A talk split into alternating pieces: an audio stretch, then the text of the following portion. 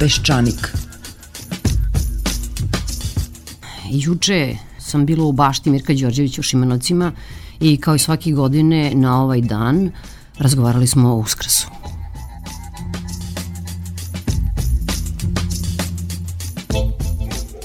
Danas je veliki petak, čekaju nas uskršnji praznici i ono što se govori, što se u crkvama čuje u propovedima, lišeno je do te mere smisla i toliko ispolitizovano da smeta normalnom ljudskom uhu.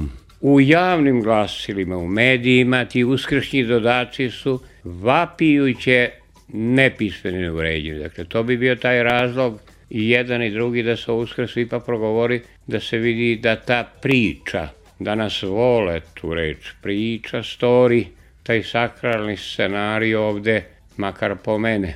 Naše vreme sa svojim protivrečnostima, sa svojim napetostima, stoji u ramu onoga vremena od pre 2000 godina, ako se elementarno razvoje legende, predanja, pa i falsifikati kojima se vekovima brojne crkve bave, ta priča ima nekoga smisla da je čovjek po mene. Postoji za to jedan još jači razlog.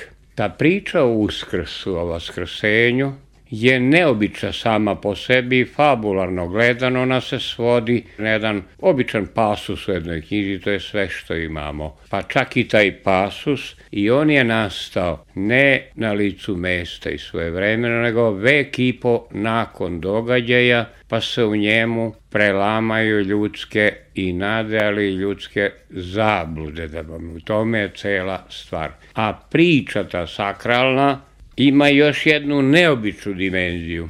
Koliko god ona bila oskudna, njuve 2000 godina ispisuju i dopisuju takva imena kakva su Thomas Mann, Krleža, najveći umovi u slikarstvu, najveći sjeneasti, tako da dakle ta priča o Isusu i onome što se dogodilo nije nikad suvišna, niti je do kraja ispričana.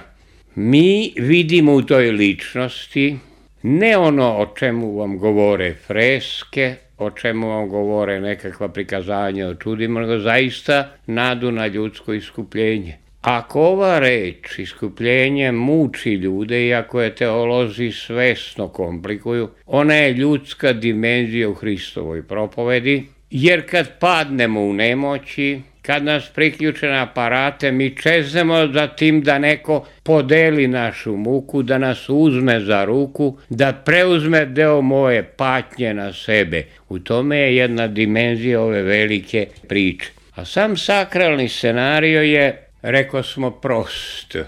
Mi iz vremena kada se dogodilo raspeće, pogubljenje Isusova, nemamo, nažalost, nikakvih dokumenata. Najverodostojniji dokumenti, to su i evanđelja, nastali su vek i po pa i dva veka kasnije, pa ne očekujte u njima nikakvu realističnu sliku i reportažu.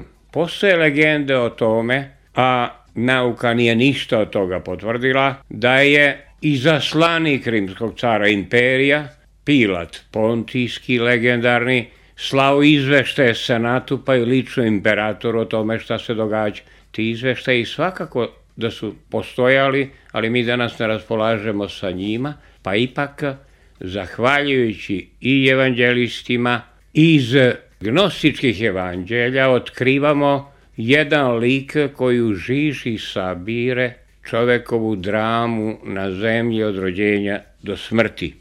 Podsjetit ću vas na jedan detalj koji u crkvi nećete čuti. Kada je Isus počeo svoju propoved ljubavi prema drugom i drugačijem, za njim je hodala gomila hiljada i hiljada, naravno jevreja i sam je bio jevrejin, i rimske vlasti, pa i nomenklatura političke vlasti u Judeju ono vreme, uzbudili su se zbog te mitingaške atmosfere i on je, znate, deo priče u Gecemanskom vrtu uhapšen i osuđen je na pogubljenje kao i stotine i stotine drugih, ni on jedini. Ali ne zaboravite, gomila je vikala, narod se bio dogodio, Isus kralj judejski, to izazvalo paniku, neko hoće vlast.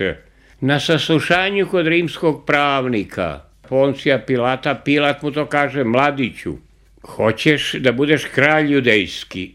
Setite se, Isus odgovara, to ti kaza i gemone, ne ja. Ni na pamet mi ne pada, moje kraljevstvo nije od ovoga sveta. Ja širim jedno drugo učenje, a to što masa viče, To nije glas naroda, to je ušlo u zapisnik, molim vas. To su bili provokatori Isusu, lice kaže Pilatu, to radi vaša tajna služba kojom rukovodi Levi Matej, skupljač poreza, koji baca takve klevete i vi znate deo priče, rimski pravnik je legalistički i legalno dosledno odustao. Jedino što je izveštaju rekao, ja na ovom mladiću ne vidim de facto krivice, Vidim, Mladić ponavlja besmislice koje mi rimljani u robovlasničkom sistemu ne možemo da pojmimo, da su svi ljudi jednaki, da je svaka vlast nasiljena čovekom, da svaka vlast korumpira, a centralna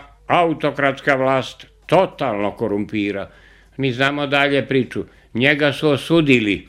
Politički je moment to bio. Logika je bila, pošto je u Siriji, tu u susedstvu, bila stacionirana legija, zvali su se Kobre, kojima je iz Rima izdato narednje. Ako ne redi sa ovom propovedi, zahvate šire masa, upadajte u Jerusalim. Pilat se uplašio, sam ga hapsi, srećom, kobre nisu upale, a gde oni prođu, tu trava nije nicala da bome. 1945. godine u Pesku Nag Hamadija, u egipatskoj pustinji pronađena su evanđelja pisana 50 i jedva stotina godina nakon događaja, zvana gnostička, iz kojih se nudi jedna potpuno nova slika o Isusu, tako da to otkriće, koje se smatra najvećim otkrićem posljednjih vekova, svi su tekstovi protumačeni, prevedeni, imamo ih, čak se i mojim skromnim trudom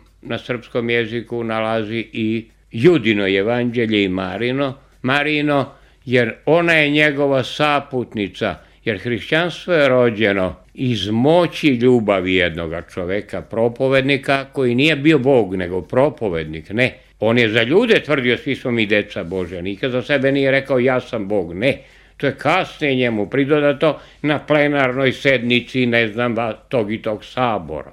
S druge strane, hrišćanstvo je svo vreme rođeno iz imaginacije jedne žene koja mu je bila odana od početka do kraja pa i posle smrti, siromašne, bosonoge devojke koja je nekim čudom bila vrlo pismena, koja ga je pratila, koja je do Rima posle stigla, noseći ono jaje i znamo ju u istoriji pod imenom Marija Magdalene. Iz njena imaginacije, iz ljubavi se rodila Pročitajte ova gnostička evanđelja pa ćete videti da je Isusova nauka humana i da čoveka i ženu ne razdvaja. Vratimo se međutim na ono najteže u ovoj priči, vaskrsenje. Jer ćete sutra i preko sutra čuti, naravno dva, tri dana, da je Isus pogubljen, pa je onda is, ustao iz groba, prošetao, bukao se i vratio se kući. To su čiste besmislice, o kojima ni u istoriji, ni u evanđeljima i sinoptičkim, kanonskim nema ni pomena. Vaskrsenje jedan drugi smisao, to je veličanstvena metafora čoveka koji živi snagom volje, ima prirodno pravo da neće da umre, hoće da živi. Nema u evanđeljima o vaskrsenju ni desetak reči. Najduže što ima to je desetak redaka kod Luke, koji je to pisao tek kasnije, vek i po je prošao toga, ali je zabeležio jedan moment jedini koji se danas falsifikuje. U tih desetak stavaka imate priču, ovu koja se tu završava. Pogubljen je Isus. Apostoli, njegovi verni sledbenici do kraja, svi su se razbežali od straha. Za njima je potera rimske policije. Njih nekoliko putuju izgubljeni, Čak jednom od njih znamo i ime, zvao se Kleopa, a putuju rekao mestašce koje se nalazi 12 km od Jerusalima, zvalo se je Maus. I odjednom, kad su oni osetili da se u njima budi neka nada, kad su izgubili svaku nadu, čini im se da je neko bio sa njima izričito ne tvrde da su bilo koga videli. Ne možete pripisati to ni halucinaciji umorni ljudi koji danima nisu ni vode pili. Postoji pred kraj jedno mudro objašnjenje. Oni kažu, to što se dogodilo, što su ovoj smrti dogodilo, što i nas može dok noć padne da stigne, neko mora da postoji da ljudima ulije nadu da žive, zar ne osjećate dok smo mislili ko je ovo, šta je ovo, da su nam gorela srca, da su nam se jastučići na prstima znojili, da nam je puls bio povišen. Oni nude bukvalno empirijski, fiziološki, medicinski dokaz da se u njima probudila nada. To je vaskrsenje. Ostalo su legende, dostojne freski i tako dalje. Vi danas ne možete, dakle, vaskrsenje posmatrati tako, nego ga samo morate gledati u dimenziji ljudske nade. On propoveda civilizaciju ljubavi. To je ono što je s tačke gledišta rimskog pravnika u romovlastičkom se bilo ludost. Ali on u isto vreme ljude poziva da budu budni, da se odupru, da misle, da svedoče. Tako ćete postati ljudi. Nigde on ne kaže bit ćete bogovi. Ne, ne, ne, ne. Ako biste me u ovome momentu zapitali koju bih vam definiciju o Hristu ponudio, verovatno biste očekivali da bih vam ja ponudio neku definiciju i svetih otaca, istoče i zapade crkve od Avgustina do ne znam kog. Ne, ne, najbolja definicija Hrista koju ja poznajem potiče iz sfera čoveka koji je sebe deklarativno smatrao ateistom, a imao imaginaciju nadljudskih razmera. Pisac se zvao Miroslav Krlaž i on kaže Isus je kao pojava astralni, zvezdani ljiljan u mučionici velikog inkvizitora i tako će on stajati pred nama i to će biti opomena.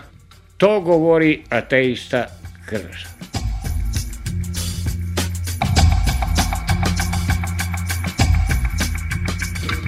Isus je ponudio prostu formulu da ljudi moraju stvoriti zajednicu i u toj zajednici mora da postoji duh koji će ih držati u ljudskoj iskrenosti i veličini da se opredele između dobra i zla. Nešto nemoguće. Zovu ga utopistom, nije ništa strašno. Desetak istoričara komunizma i teoretičara zovu ga komunistom. Ja sam bio dete kad su nas postrojavali da pevamo petokraka sa pet roga, ja se borim protiv Boga, ne bori se protiv Hrista, on je bio komunista. Ta energija nade nije potrošena i crkve su učinile od Isusa njegovog učenja ono što bi naš prijatelj Želimir Žilnik rekao veliki umetnik, postupile su po principu podeljenog Boga, svaka je uzela za sebe deo i on je ostao potpuno u tami, ali njegovo svedočanstvo u svim svojim dimenzijama je aktuelno danas i precizno jasno. Najveći greh pa nabraja i su šta su najveći gresi. Najveći greh je kad nacionalna elita intelektualna se odluči da laže. On je to zvao fariseji, koristeći ono vremeni izraz jedne sekte koja je jedno govorila, a drugo radila. U tom smislu Isus naš savremenik i u Uskrsu ne treba videti naivnu priču, odvojiti treba legendu, natruhe vremena, ljudske slabosti, ali videti lika koji je stvarniji od stvarnog, jer mi nekih dokaza nemamo. I rimski pisci se slažu u tome da je to bila jedna neobična pojava koja hoće nešto nemoguće. Čovek, kaže Isus, vaskrsava svakoga dana ako je budan za duh istine. U reči vaskrsava koju tvori, u delu koju svedoči i vaskrsava samo ako ne živi svoj život, nego živi makar malo i za drugoga. U tome je smisao. On je čudovišna pojava. Hegel upotrebljava taj izraz čudovišna pojava jer zbunjuje um. Ostavimo se mi nekakvih čuda o kojima popovi pričaju. Pogledajmo jedan drugi primer. Pogledajmo, 1901. godine, Lav Tolstoj, ne niko drugi nego Lav Tolstoj, pisac Rata i mira, Ane Karenjine. I romana koji se zove Skrsenje. Isključen je iz crkvene zajednice i proklet.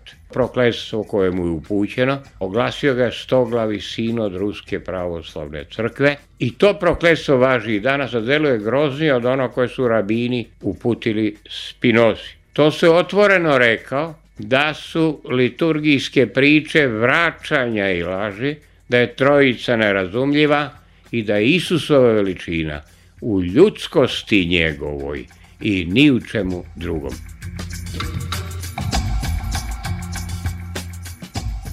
Vekovima se ponavlja priča apostolu Judi, Međutim, otkrića su pokazala, gnostička evanđelja, da je to bila čista legenda, da u pitanju bio jedan od najvernijih učenika, koji su ga do kraja sledili, koji su jedini razumeli u čemu je smisao te poruke, zašto se Isus odlučuje da strada, da da ljudima primer postradanja za druge. Zanimljivo je da su veliki pisci vekovima to ljudi naslučivali i znali, Trebalo je da 1945. se otkriju gnostička evanđelja, pa da vidimo da je to živa istina, da je poruka u tome koja se svodi na onu Isusu poruku, ide vreme i već je nastalo. Nećemo se mi moliti, delati, ni na gori ovoj, ni na Pruškoj gori, ni u Jerusalimu, ne znam, nego ćemo se moliti u duhu i istini. Treći moment te poruke je još zanimljiviji. Nebrojeno puta on učenicima govori. Poznajte istinu, ne govori moju istinu. Ni sadukejsku, ni farisejsku, ni izraelsku, ni ne znam čiju, ni rimsku. Istinu i ona će vas osloboditi. Njegove su poruke, koliko god delovalo to čudno, da danas ne pročitane. Navešću vam jedan primer koji se tiče konkretne prakse svakodnevice naše, Obično se misli da je konvent za vreme Francuske revolucije odvojio državu i crkvu i da je tek 1905. Brijanovim zakonom crkva je država rodana. Ne. Precizno učenici prilaze Isusu i pokazuju mu monetu. Na jednoj strani je lik imperatora, a druga je vrednost. I pitaju šta da radimo. On im jasno kaže kako niste razumeli. Podajte Bogu Božje, a caru carevo to su odvojene stvari. Izgledamo ovaj primjer čudana danas ćete vidjeti čitavu komediju oko toga šta je crkva, šta je država, šta je jeres. Svako svakog ovde proglašava za jeretika, a kad pogledate, to sve je bio apsolutno u pravu, ali crkva se vremenom pretvorila u moć društvenu. Sticanje moći i materijalnog blagostanja Crkva ništi poruku Hristove misli, jer ona počiva na tome ima mesta za sve na zemlji, za svakog od nas, za sve koji će se roditi. Ima mesta za svačiji grob ako hoćete, ne brinite se o tome.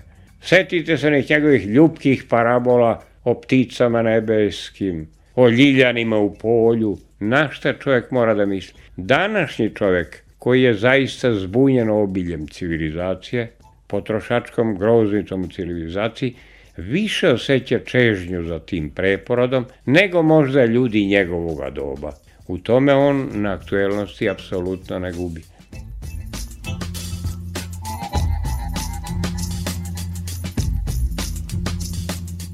Javio se čovek koji u liku jedne saputnice prepoznao i ženu i duha, mladić, koji je rešio da svoju smelu miso prvo javno kaže, da je saopšti bez alternative i koji je pokazao vrhunac ljudskosti da za tu istinu i strada. To je bio Isus i taj Isus, opet moram krvno pominjem, i danas hoda na čelu gladnih, bolesnih iznemoglih. I danas on hoda. I danas taj Isus po mom dubokom doživljaju, strogo intimnom, kuca ne samo sutra i preko sutra na vrata čoveka da ga opomene, da će mera njegove slobode biti sloboda drugog, da će mera njegove ljudskosti biti žrtvovanje za drugog i da će mera njegovog uma biti da su svi ljudi, a to i moderna nauka dokazala da DNK ista kod svih ljudi.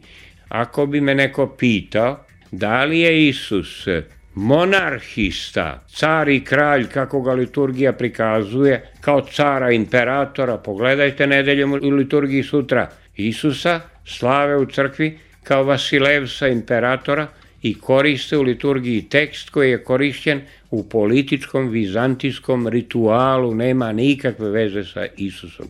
Ako bi me dakle neko pitao ko je on, ja bih rekao da on u pravom smislu reči, koliko god drsko izgledalo, republikanac, čovek koji gradi zajedništvo ljubavi. Na kraju krajeva on je to expressis verbis i rekao svojim učenicima. Kad su hteli dokaza ko je on, nakon čak vaskrsenja, imamo jednu neverovatnu scenu kod Luke, on nema filozofeme, on ne pravi uvode retorske, on uzima hleb, svi su iznemogli, lome ga zajedno i dele. To lomljenje hleba je simbol hrišćanstva. To lomljenje hleba žrtvovati za druge i danas se to sačuvalo u liturgiji kao nafora, kao pričest, ali to je, jedite, kaže on, nema tu filozofije, nije to neki ezoterični, abstraktni sistem. Jedite, to je telo moje i vaše koje se za vas daje. Pijte, to je krv naša koju prolivamo i otićemo kao ljudi. I uvek to činite, meni u spomen. To ih je raspametilo u početku bilo. To je Isus.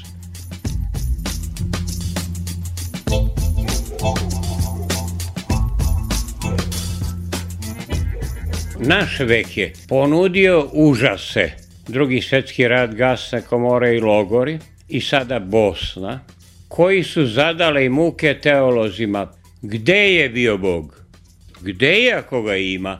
Sva svedočanstva koja imamo o njemu, od apokrifnih, evanđeoskih, historijskih, rimskih historiča, pokazuju ga kao čoveka lepog, mladog, hrabrog, jede i pije, sa ljudima, nije se libio nek sa grešnicima i grešnicama se druži, ali niko nije ostavio traga da se on ikad nasmejao.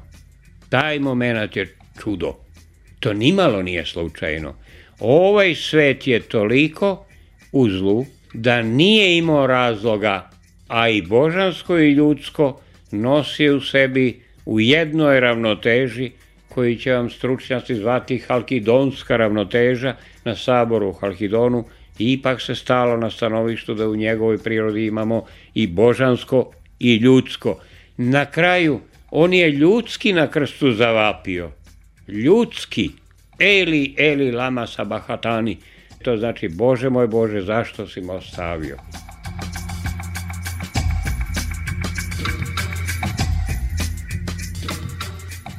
Isus je jevrejin. Svi njegovi učenici su jevreji etnički. Njegov jezik je hebrejski i aramejski, jedan od tih semitskih jezika. Vi ćete danas u Beogradu pročitati 37 knjiga u kojima se tvrdi da su jevreji narod ubica, su jevreji ubili Boga. To je najogoljeniji zoološki antisemitizam koji šire neki Nikola i njihov svetac i ne znam ko, besmislica.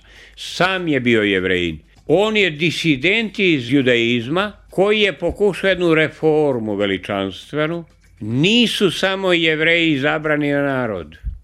Svi su ljudi izabrani. Na svima je vama sveštenički znak pozvanja da ste ljudi, da niste kišne gliste, Antisemitizam je sramota hrišćanske civilizacije, jer svega ćete naći u evanđelju, svega. Ali nacionalno neko rasno i etničko određenje ni govora.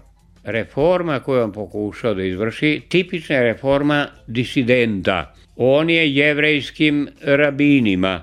Moramo sklopiti novi zavez, zato ga novi zavez, novi savez on se ni po čemu neće razlikovati od onog prvog, ali će u njemu biti korigovano to da nema osvete. Ne činite drugime ono što ne želite da drugi vama čine. Nisu jevreji izdali Boga, Isusa. On sebe nije smatrao Bogom. Izdala go je ljudsko zlo, vlast, koja se dogovarala sa rimskim vlastima za održanje privilegije i moći. Isusa na kraju nisu pogubili jevreji, baš ako hoćete tekstualno, nego rimska legija, antisemitizam danas cveta na neznanju i cveta kod onih koji Hrista nisu prepoznali ni naslutili, makar kako ukrašene mitre i kamilavke nosili.